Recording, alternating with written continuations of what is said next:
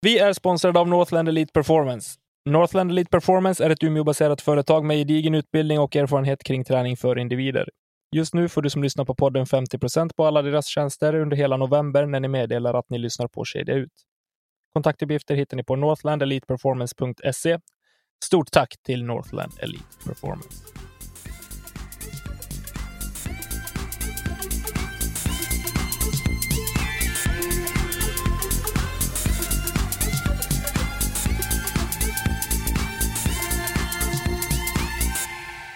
Vi samlats i det ruskiga höstmörkret ännu en gång. Trion i Kedja Ut önskar er hjärtligt välkomna till veckans avsnitt som är det 134 i omgången. Jag heter Tommy Bäcke och gör det här tillsammans med Nicke Nyman och Elina Rydberg och jag vet inte varför jag viskar men jag har extrem förkylning så jag sitter mest och bara myser in mig i min stora hoodie och undrar hur läget är med mina kompanjoner idag. Det är ju käpprätt åt skogen. Men eh, humöret är på topp. Men kroppen är klappslut. Det är nödslakt. Det är bara att göra processen kort. Så det är väl det som är statusen på mig eh, just för tillfället. Hur är det med Lina? Vänta Nicke, vem i discgolf Sverige skulle vara den bästa på nördslakt? Vem skulle du lägga dig under yxan för? Bengtsson. Alla dagar i veckan. Det nöjet ska jag ge han. Mhm. Ja.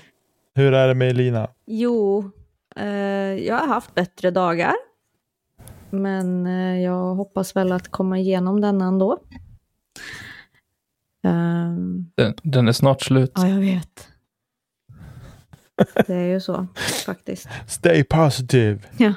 It's almost over. Everything comes to an end, Precis. even life. Ner kommer man alltid, Ja, sa bergsklättraren. lite så känns det väl. Men eh, jag är taggad på att vara här och få snacka lite skit närmsta timman, förhoppningsvis. Och ehm, ja, typ så. Energipodden känner jag. då. Eller hur? Tack för att ni Sjukt bra lyssnar. energi. Tack för idag. Hej Det är då. så här, förra veckan var typ det bästa avsnittet vi någonsin har gjort och så kommer vi hit den här veckan och sitter vi bara och sölar igenom. Och vi kan ju ha sån här, eh, vad heter det, ASMR. Att vi bara sitter och viskar ett helt avsnitt. Nej, Fantastiskt. sluta. Men man, är ju, man känner sig lite jetlaggad ändå. Alltså klockan är ju egentligen nu snart tio. Ja. Det var hemskt om den hade varit det. Eh, Vi ja. håller på med det här tramset med vintertid och sommartid. Jag är så trött på Ja. det där. Skit i det bara. Men alltså okej, nu blir jag så här. För att vi gör det för att vi ska få mer dagsljus. Men, men, vi får bara mer dagsljus på morgonen. jag Ja, orkar för att på eftermiddagen, när man liksom efter jobb och så, då är det, då är det mörkt. Då är det Ja. svart. Det är kört. Jag, jag, jag förstår inte. Vi får, vi, det, timmarna är exakt de samma. Allting är liksom precis likt. Det, det är liksom... Eh, ja. Det är ju bara trams. Mm. Det är ju liksom... Det handlar bara om när de där timmarna, de där ljusa timmarna infaller. Ja, och grejen är att det är ju inte så många i världen som gör det här. Så att det är Nej. liksom i Europarådet så är det här en fråga i liksom logistiken och transport. För att det blir liksom ett problem när vi ställer om klockan. Ja. Klappträn, Nej, säger jag bara. nej jag Avgå. inte. Jag, Men har vi inte haft, eh, har vi inte haft folkomröstning om omställningarna det här? nej. Nej, för i så fall är jag pretty sure att det hade försvunnit. Det har varit på förslag att det ska gå till folkomröstning, men regeringen förhalar det där för att de vill inte ta i Eller så det. gör man tvärtom. Så att på hösten, då ställer du fram klockan mot julafton. Och på sommaren, eller på våren sen, då ställer du tillbaka klockan mot julafton. För annars är det ju ingen vits. Fast det blir ju Eller fast så bara också låter vi det bönderna vara. då tydligen. Jag vill ju ha mer ljus någon, på är det ingenting med eftermiddagen. bönderna? Bönderna, Ja, då är ju något skall med bönderna. De ska upp och mjölka och grejer. Du kan vara mjölk. Nej, men på riktigt. Okej. Nej, jag har ingen aning. Det, så kanske det är. Kanske finns något gammalt sedan förr i tiden. Men nu är det ju inte en människa som mjölkar manuellt längre. Det tycker Så- jag är lite tråkigt. Jag, tänker att arbetsmiljömässigt så är det nog ganska bra steg vi har tagit till mjölkroboten istället för manuell mjölkning. Du kanske vill bli mjölkbonde Tommy? Jag är fattig bonddräng. Tänk er själva att få vara dräng. Ja, kul. Va? Då, då tänker jag alltid, då tänker jag direkt på Alfred i Emil i Lönneberg och tänker nej, faktiskt inte. Känner mig inte minsta sugen på. Hur gött har inte han det egentligen? Han bara går upp, harvar och sår och plöjer. Och så tar han sin häst och vagn och far på aktion i Backkorva och slåss och super sig full. Och så har han en, en, en flickvän som heter Lina som är sur och tvär mot han. Nej, det är Lina som är kär i Alfred, men Alfred vill inte gifta sig med Lina. Jävlar vilken koll du har ändå Tommy. Jag såg Emil i Lönneberga igår. Ja. Och på auktionen så träffar Lina någon annan liten snuskig gubbe som sitter och spottar snus i käften på henne. Kommer Emil och slår henne i baken med brödspaden. Jag orkar inte. Kan vi lämna Emil i Lönneberga nu tack? Tycker vi gott och väl kan hylla Astrid Lindgren ett tag. Nej tack. Det kan Men- vi göra. Hon, hon har sagt mycket fiffiga grejer. Mm. Vad ska vi prata om i det här avsnittet då? Nangiala. Ja. Nej, På tal om Astrid Lindgren. på tal om att livet är slut. Nej, riktigt svaga Astrid Lindgren-podden alltså, fy fasen. Vi måste höja oss. National Amateur Disc Golf Championship gick av stapeln i helgen. Här har vi liksom gått runt och harvat om att discgolfsäsongen är slut. Så går typ morgondagens stjärnor och bara väntar på att få visa upp sig. Mm. Eh, ni har inte sett någonting av det här. Nej. Nej. Fantastiskt Det har jag. har varit. Jag såg tee-offen på leadcard på hål 1. Eh, gjorde jag. Sen stängde jag av. Men. Eh, Alltså, jag, vänta, vänta, vänta, vänta. Jag måste få frågan Ja, här. Jag måste få frågan en sak här. N-A-D-G-T. Vad står T för? Tour. Okej, National Amateur Disc Golf Tour okej, Championships. okej. Ja, ja. Ja, nej, alltså det är Tack. tourfinalen av NADGT. Exakt. Ja. Som The Championship fast för amatörer. Första, ja, okej, tack. Då, då var det utrett. Ja, Motsvarigheten till Svenska Amatörtouren. Just det. Ja, men snyggt. Då Eh. kan vi rulla på. Om, eh, bara för att liksom ge ett perspektiv så var det väl det här Kyle Klein gick och vann för ett par år sedan. Och i år vann på damsidan vann Area Gastrita. Mhm. ganska stort. Hon vann med 12 kast. Oj. Eh, Så det kanske är en tjej vi får se på touren här framöver, förhoppningsvis. Och på här sidan så vann till slut eh, Mika Groth. Han lät ryss, men han är amerikan. Absolut. Otroligt eh, dålig på putta faktiskt, men eh, han träffar ju fairway.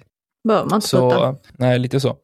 Men eh, förhoppningsvis så är väl det också en, en kille vi kan få se mer av här och säkert fler av de här spelarna också. Elina, Japp. spel, spelschemat har släppt. Ja, det har det. Spännande. Det har jag faktiskt inte ens kollat på. Vi ska se Det här. var väl ett tag sedan i och för sig, men Var det det? Alltså jag har den senaste månaden, jag har varit helt väck gällande allt som har med discgolf att göra. vi kan ju hålla oss kvar på National Amateur Disc Golf Tour-stadiet och eh, de kör igång på nyårsdagen. Det verkar som att Kyle Klein blev tvåa. Han blev tvåa till och 2018. med. Okej. Ja, då hette, det Next Gen, då hette det Next Generation Tour National Championships. Ah, Okej, jag kanske blandade ihop de där två. Förlåt. Jag kollade lite snabbt. Next. Gen är väl eh, David Feldberg, eh, bland annat, som drar i det. Vad vill vi säga om eh, spelschemat då? Det drar igång i Las Vegas i slutet på februari egentligen. Det är DGPT i alla fall. Eh, sen tuffar det på med typ två veckors mellanrum. Två, tre veckor. Det är ju många tävlingar som inte är liksom en DGPT som kanske Mm. spelas då. Som i och för sig kan vara bra också. Ja, typ Memorial. Ja, precis. Ja, men det börjar i Las Vegas. Sen har vi Waco två veckor senare. Och sen har vi ytterligare två veckor. Då har vi Texas State. Vi ser väl mest fram emot eh, Eurotour, kan jag tycka. Ja, Ja, eller European Pro Tour. Mm. Ligger de med här? Det tror jag inte. Nej, det inte. gör de inte. Men de datumen är inte satta allihop än. Det... När var det vi kunde förvänta oss det? Att det skulle vara klart? Snart. Alltså de flesta är klar. Men typ Danmark är inte klar, Norge är inte klar. Det är väl de kanske. Så att Sverige är klar, Finland, Tyni, också Finland, Estland, Spanien är ju klart. Just det. Nej, men det blir en... eh, Det ska bli kul i alla fall när det väl drar igång igen. Nu får vi lite uppehåll ett par månader. Eh, Det ska bli intressant att se hur de upplägget på NTN blir eh, sändningsmässigt, tänker jag. Mm. Och för i år har det väl varit så att Silver Series har de bara visat finalrundan på, va? Korrekt. Eh, hur de nu kommer att göra med den. Det blir ju intressant att se. Tänker jag, spontant. Mm. Den som lever får se, det kanske blir ett tokdyrt eh, Abonnemang. Abonnemang också. Hur ställer du ner till Om det du i så vill se eller. Vad säger du? Hur ställer ni er till det i så fall? Hur mycket kan ni tänka er att betala? Skulle kunna Inget tänka mig att, konstigt. alltså, med tanke på hur mycket det blir, så hade det inte varit konstigt med liksom 80-100 kronor i månaden. Alltså jag använder ju det mer än mitt Netflix-konto. Jag har ju ingen spärr för sånt där, eller vad säga. Har jag upptäckt. Ehm, nej, men då ska jag kunna betala mer för att se. Sen har jag väl inte något tak så. Ehm, men jag vet inte hur det är. Jag vet inte riktigt hur. Jag har, alltså jag har för dålig koll eftersom att det är typ 40 spänn man betalar en månad. Och sådär.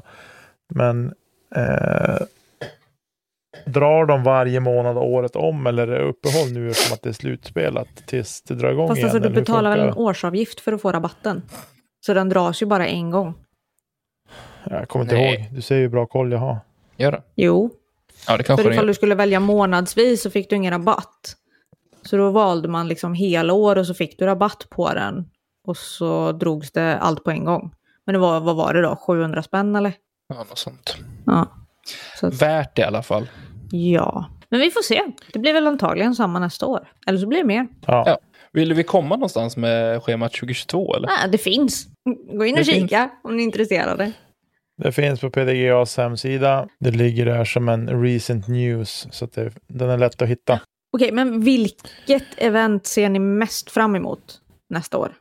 Åh, släpper du den redan nu? Jag sa Preserve inför den här säsongen som har varit. Ja, that was a bust. That, that was a bust. Den var riktigt dålig för de hade ju tagit bort fina hål och ersatt dem med Fula hål. grislånga hål. Till, I och för sig mäktigt på förhand men ganska omäktigt att titta på. Ja. Så är min sammanfattning av det. Och så, så jag vet inte. Jag tyckte Portland Open tyckte jag var en bra tävling.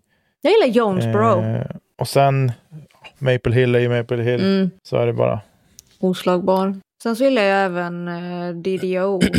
Dynamic Disc Open. Den gillar jag. jag gillar ju Emporia-banan liksom, att titta på. Jag tycker den är fin. Mm. Fin bana. Emporia är fint. Mm. Det är, det är en klassiker. Oavsett om det är, man pratar GBO eller DDO. Så är det en, eh, ett evenemang och en, eh, en tävling man gärna ser två gånger. Kan jag tycka. Mm. Mm. För mig så står nog European Open högst upp på listan. Det är ju inte Pro Tour, men eh, det är ju... Nej, men det är en major. Ja, European.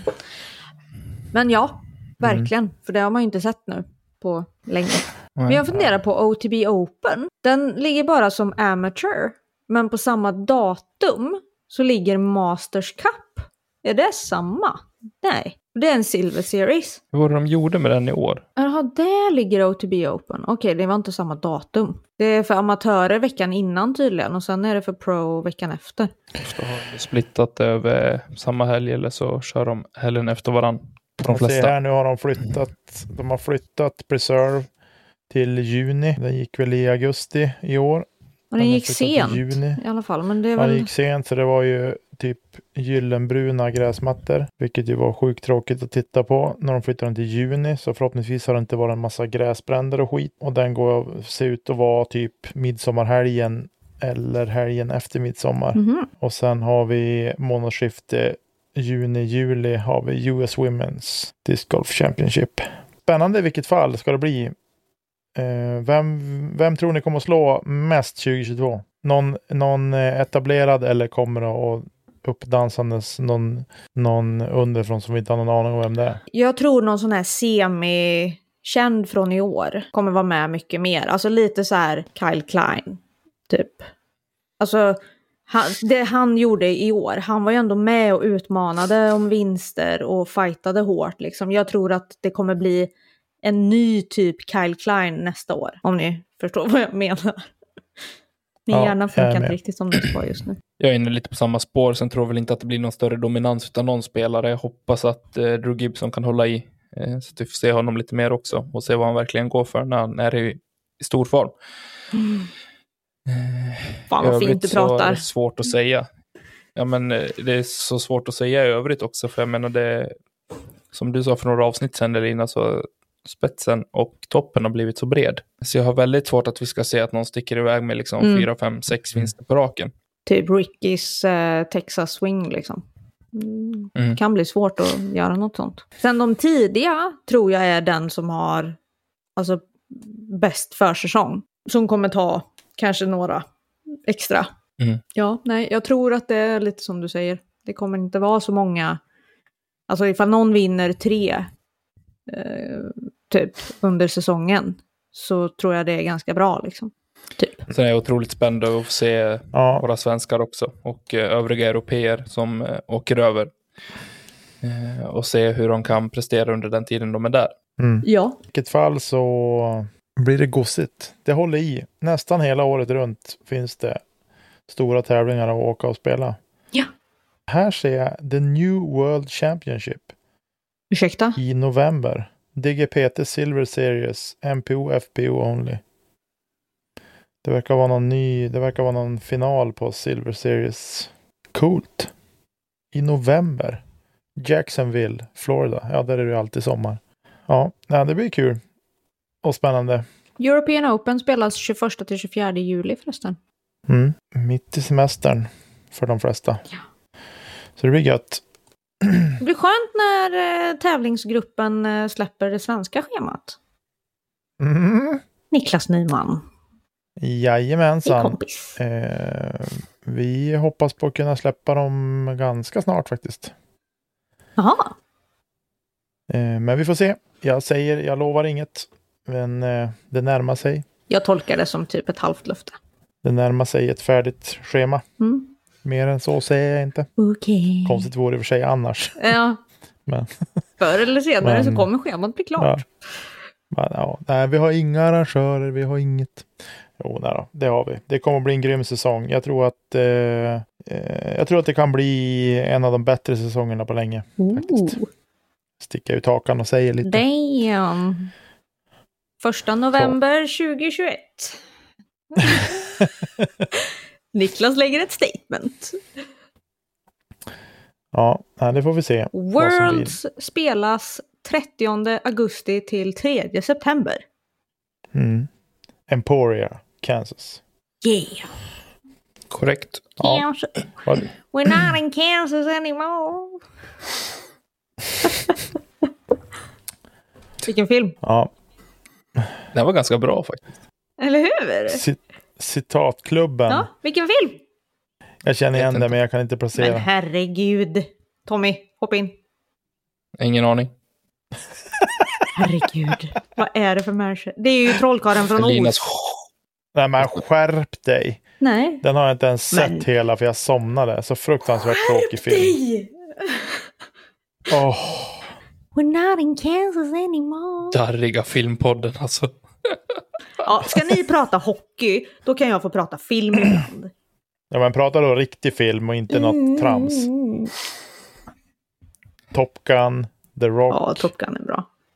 Top Gun är fin. Jajamensan. Okej, nej men nu, nu har vi flamsat för mycket. Nu måste vi ta tag och styra upp det här. Dagens ämne. När ska en spelare ingå i ett märkesteam?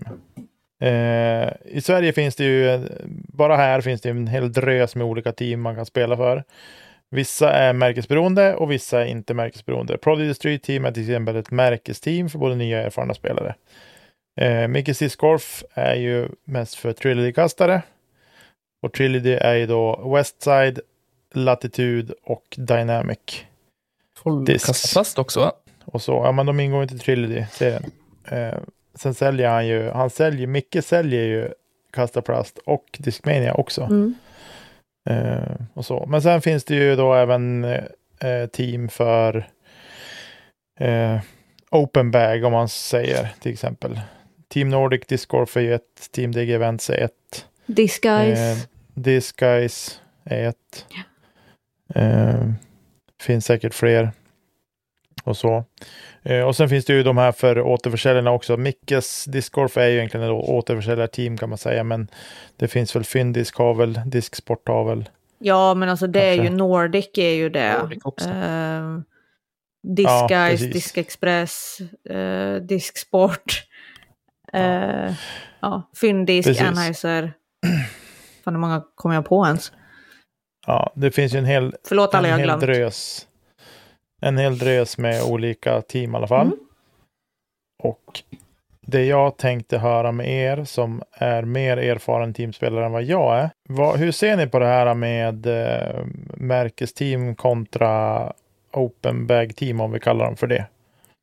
Alltså snackar vi butiker eller tillverkare? Mm, ja, men jag tänker tillverkare är ju ett märkesteam. Ja.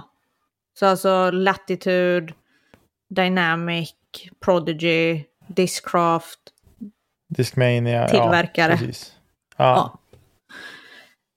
Och så då gentemot butiker med... eh, ja. Ja. Vi kan förenkla det och säga all. så. Ja. ehm, ja, alltså... Jag är ju med i båda. Jag har ju en tillverkare som sponsor, som är Prodigy. Och sen så har jag ju en återförsäljare som är Disguise. Fördelen med tillverkare är väl att man kan få en bättre deal många gånger. Sen alltså fördelen med en butik är att man får ofta kanske en taj- tajtare relation till dem. Däremot att ha kombinationen tillverkare och butik är kanske inte optimal. För grejen är att det det gör är att du kan inte promota butiken på det sättet som man kanske vill. För att tillverkaren säger att nej men du får bara promota våra produkter. Så Mm. att säga att Disguise skulle lägga upp liksom, ja ah, vi har restock på Discraft nu. Då kan inte jag liksom dela och informera om det i mina kanaler.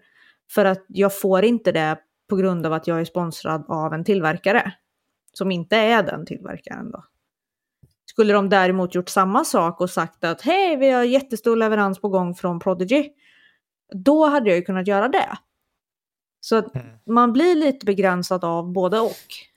För återförsäljarna, så, eller butikerna, så är det kanske bättre att ha en namnlös, eller man ska säga, alltså så här osponsrad från tillverkare sett. För att då kan ju den personen promota butiken mer. Medan tillverkarna tror jag inte bryr sig något större ifall du är butikssponsrad eller inte.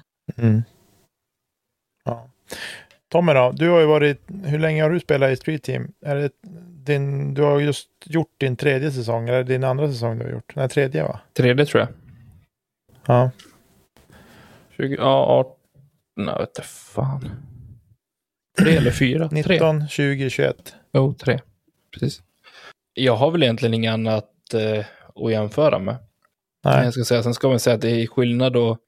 Alltså, Street Team är ju ett, eh, ett team för, alltså, som inte är på samma nivå som om en Team Prodigy Europe till exempel. Eller Tournament Team, om man säger. Så det finns ju olika steg i det. För mig blir uppgiften att liksom mer eh, promota ett varumärke som en ambassadör. Likt en, eh, en spelare som har en butik i ryggen som sponsor exempelvis. Då. Att liksom lyfta fram det varumärket för att folk ska handla. Bara att mig inriktas det bara mot Prodigy. Så där behöver man ju som, som spelare ta ställning till om en, kan jag stå för det, alltså tillverkaren står för och eh, produkterna som de säljer.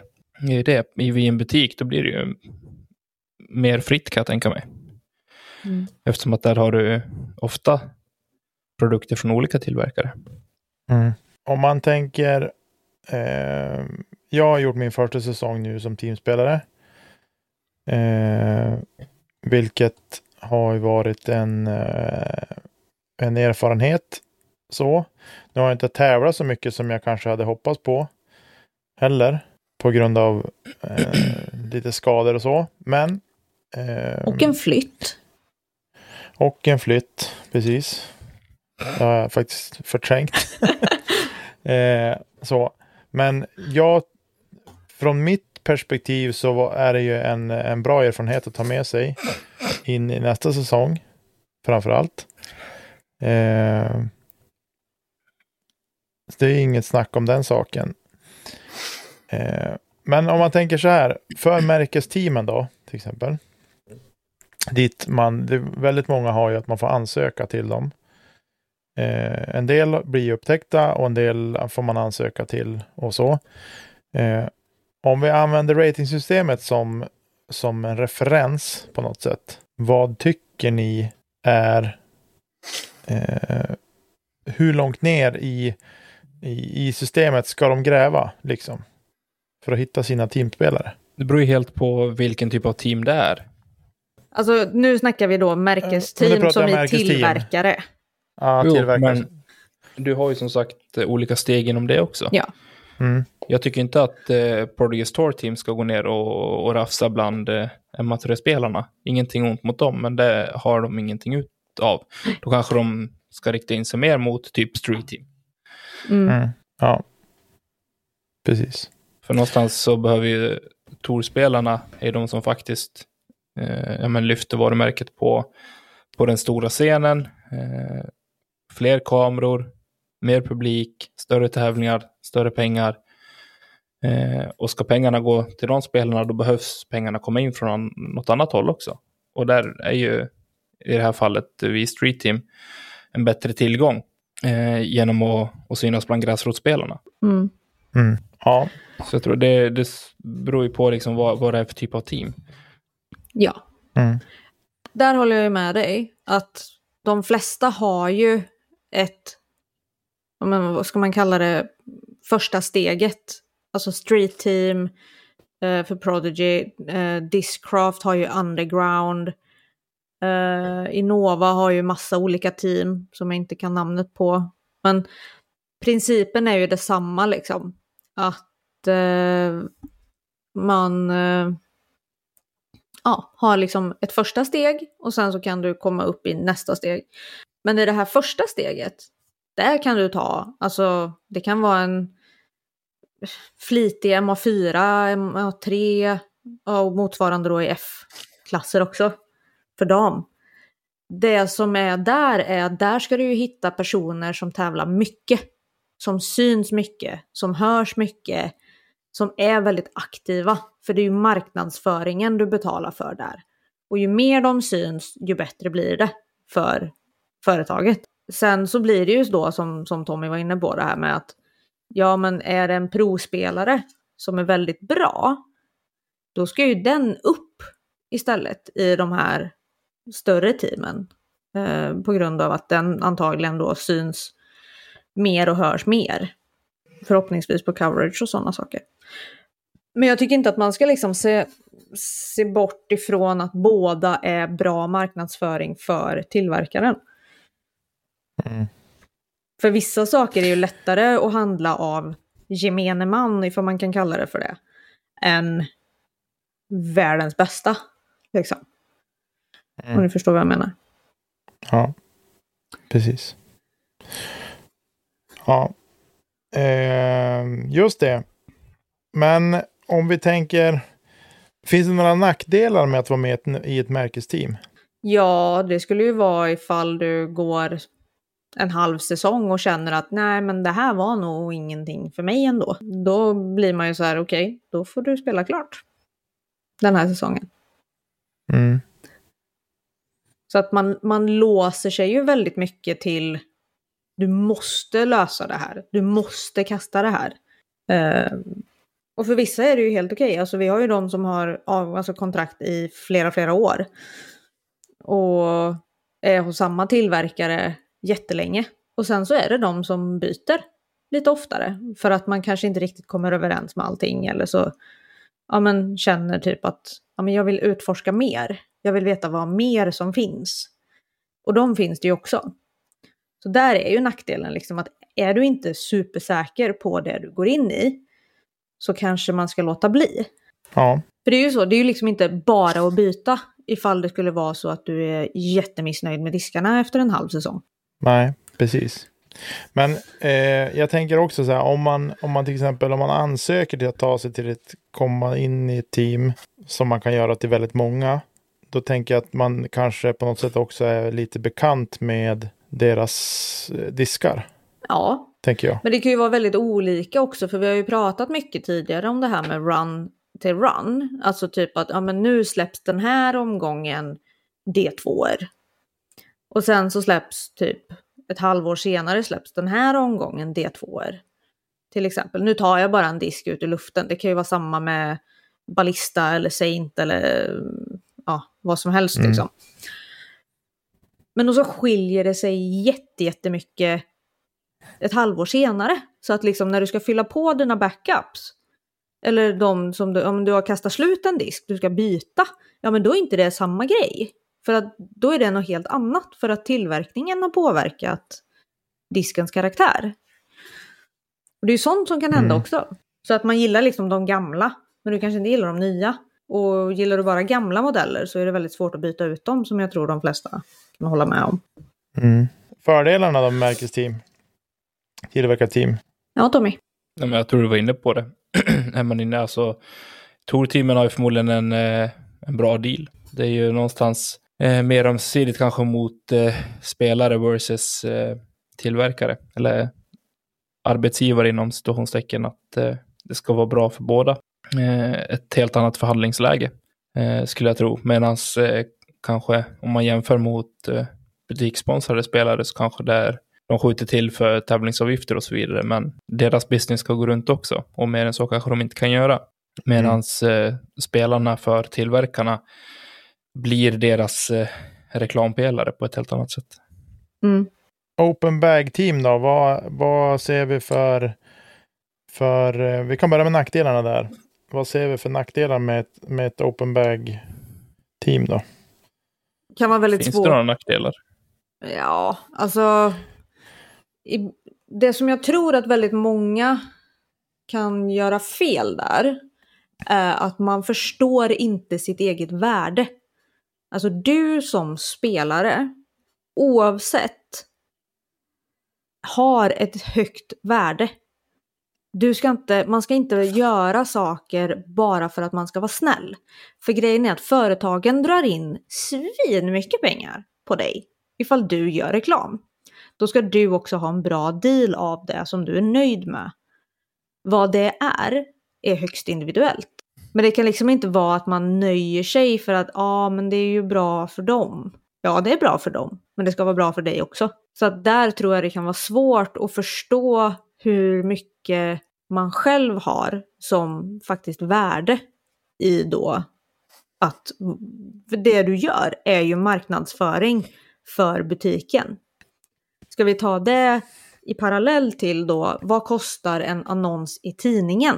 Det är ganska mycket pengar för att få en helsida. Och ifall du ska ha det ofta, då blir det väldigt snabbt väldigt mycket pengar. Tänk då att varje gång du är på en tävling och har på dig din reklamtröja för den här butiken eller gör ett inlägg i sociala medier.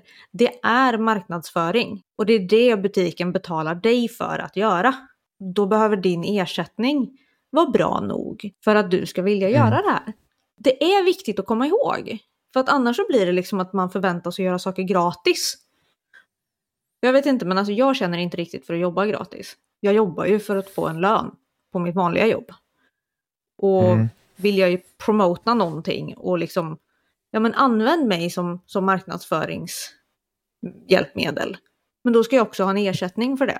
En, en grej som jag tänker som kan vara, om man ska se det som en nackdel, det är ju det här om man, om man är, blir väldigt duktig och att det kommer en tillverkare och lockar en, men man har haft väldigt mycket olika diskar. Man har kastat in och vad man har kastat latitud och man har kastat, pro, alltså förstår du, man har haft en riktig blandbag. Mm. Liksom så. Jag skulle ju snarare Eh. se det som en fördel. För att du har kastat igenom mycket och då vet du till exempel att ja men det är ett märke så bara ja men alltså jag kastar ju inte dem jättemycket och jag vet ju att jag har provat mycket av deras diskar och kanske inte är skitnöjd. Nej men då kan man ju tacka nej. Du ska ju inte ta en deal bara för att det är en deal. Nej, så är det Jag, jag tror att Men- det är här många också, speciellt nya inom sporten och sådana som Första anblicken så det är coolt att ha en logga på ryggen. Det ser bra ut. Ja självklart. Men sen då? Exakt. Det gäller ju någonstans att du faktiskt blir bekväm med det du ska kasta. Och det gäller alltså, det är så mycket som spelar in. Eh, Elina har dragit eh, marknadsföringsgrejen redan, men bara att du, har du kastat en öppen bag innan så kan du någonstans sätta lite större press på tillverkaren också. Ja, men vill ni ha mig, då får ni faktiskt lösa det här. Det handlar, Mm. precis som Elina är inne på, se ert eget värde. Och då är det Mm. upp till tillverkaren i så fall att utvärdera, ja men är den spelaren så pass mycket värd för oss? Behöver vi ha den eller kan vi gå till någon annan? Det är ju ett hav av eh, spelare som vilken tillverkare som helst kan, eh, kan vända sig till. Jag tror Ja, att det gör är det. detsamma om man väljer mellan spelare 1 och spelare 2. Mm. Ja. Jag tror inte det, det är inte lättare för lättarna har inte så mycket att komma med på så vis, tänker jag. Eh, det är klart att de här stora drakarna kan ju kanske säga till, ja men det här vart inte bra. Discmania har ju haft ett par diskar som har gått på retooling, som de kallar det för. För att spelaren inte har blivit nöjd med, med den. Mhm. Eh, så. Där kan det ju funka. Så, men jag tänker att för en för eh, en som kommer upp och får sitt första stora sponsorkontrakt så kanske det inte blir lika lätt att säga att ja, men du, den här tycker inte jag är bra, eller den här tycker jag inte. Men det finns så otroligt många olika pressningar också av samma, samma disk som kan passa bättre så att säga. Mm. Ehm, men som sagt, det finns för, en fördel med att spela open bag också kan ju vara att testa på många olika tillverkare också. Mm. Precis. Så jag tror att det kan vara både en fördel och en nackdel, de där två, om man ställer dem mot varandra faktiskt. Ja, det var lite svårt att hålla ihop det här känner jag, men det är precis liksom som Tommy är inne på också. Liksom, men det, det, är liksom, det, är, det kan kännas stort som, som spelare och ganska ny spelare att, att få representera någonting, vara med i ett sammanhang på något sätt, som man ändå är i ett team. Eh, vilket jag tycker eh, har varit eh, roligt att få känna en tillhörighet på så vis. Att man får vara med i ett team. Eh, det finns säkert en hel del team där ute också som är liksom ett kompisgäng bara som har dragit ihop. Eh, och det är inget fel i det. Absolut inte. Om man liksom känner att ja, men det är det vi vill satsa på. En del de representerar bara sin klubb. Jätteduktiga spelare men de representerar bara sin klubb. De har varken en återförsäljare eller en... Tycker det behövs fler utav dem. Ja, faktiskt. Eh, Jag måste bara få lägga till där på det här med kompisgäng. Det finns ju ett team som alltså i min mening är det mest magiska man kan se på en tävling. Och det är Playground discgolf. Nu får ni en shout-out här, men alltså på riktigt. För att de är så vansinnigt härliga. Man ser liksom hela det här med vad teamkänsla innebär. För att så fort de de har liksom, ifall det är några som är av banan och några som är på banan, så är de där och de peppar och de liksom så här wow, heja och så här. Och sen när de sitter i pausen, sitter alla tillsammans och har liksom skitkul. Det ser så jäkla magiskt ut. Och det är väl mer sånt jag tycker. Ja men ha ett team, kalla det vad ni vill. Men ni är där för att ni vill ha kul liksom. Och sen det som Tommy sa då, att fler faktiskt börjar stötta sina klubbar.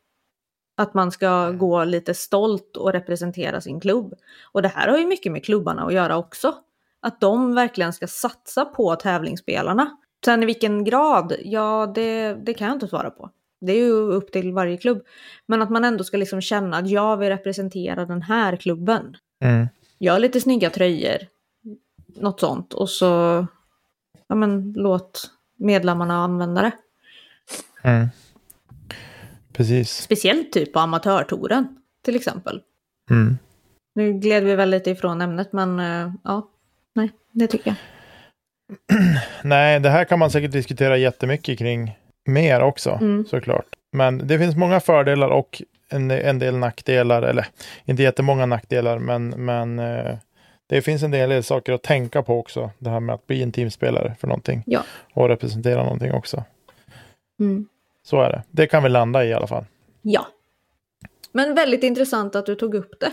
För det är, det är mycket man ska tänka på ändå. Och jag, det är väldigt, väldigt kul att representera ett team. Ehm, Mm. men det är klart att det blir en helt annan press på mig som spelare. eh, mentalt sett. Och så, för att man tänker ju liksom att ja, men nu måste jag prestera för att visa de här att jag är bra nog för att vara en del av deras Mm. team. Men sen är det också, det är mycket press på att du ska uppföra dig professionellt på banan. För Mm. du, du representerar ett företag som sätter sina pengar på dig. Och skulle jag bete mig som en röv, ja då kommer ju folk förknippa det med företaget i värsta Mm. fall. Och det är ju Exakt. dåligt för deras business. Så det är liksom inte bara att ha ett namn på ryggen heller. Även om Nej, många kanske vill det. precis. Det är en väldigt viktig aspekt att ta med sig faktiskt. Mm. Eh, och det kan också vara hela skillnaden för en spelare. De kanske får tänka sig för. Kanske ha problem med temperamentet. Jag har ju det. Eh, men det har blivit mycket, mycket, mycket bättre.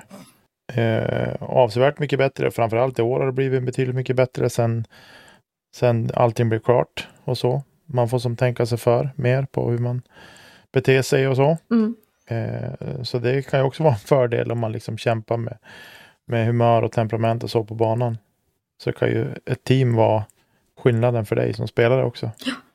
45 minuter höll jag på att säga gått. Lite mer än så har gått eh, sen vi startade den här inspelningen. Mm. Har vi något annat vi vill eh, nämna så här i, som vi har kommit på under inspelningens gång? Eller? Alltså jag, jag tror att för att hålla det här på den ändå ganska acceptabla nivån som vi har gjort idag, tycker jag. Det har inte varit lika mycket skratt och, och så som förra veckan och ni får ha lite överseende med det här. Ehm, men jag tycker vi har gjort det bra. Faktiskt. Ja. Ja. Jag tycker lite synd om Tommy som bara blir, Sitter och snörvlar där han. ja, lillpisen. Det blir bara värre och värre för varje sekund som går. Ja, du ska få komma i säng. Men man- Edvard. Lite sömn på det här så Exakt. är vi nog på benen igen. Precis. Nu är vi inne i alla fall i november månad. Den tredje är det idag när ni lyssnar på det här avsnittet. Och i slutet på den här månaden så kommer vi släppa det första avsnittet med våran, i våran collab med, tillsammans med Let's Snacka Plast. För våra Patreons ska tilläggas. Så vill du haka på det och titta på det och med om den grejen så får du signa upp dig på patreon.com slash kedja ut såklart, som redan väldigt många andra har gjort. Eh, och sen vill vi ju såklart tacka alla våra lyssnare som hänger med oss varje vecka. Det, eh, det betyder mycket för oss såklart att ni lyssnar. Utan er så hade vi inte gjort det här. Eh, och vill ni lämna en recension kan ni göra det i den app som ni lyssnar på oss i.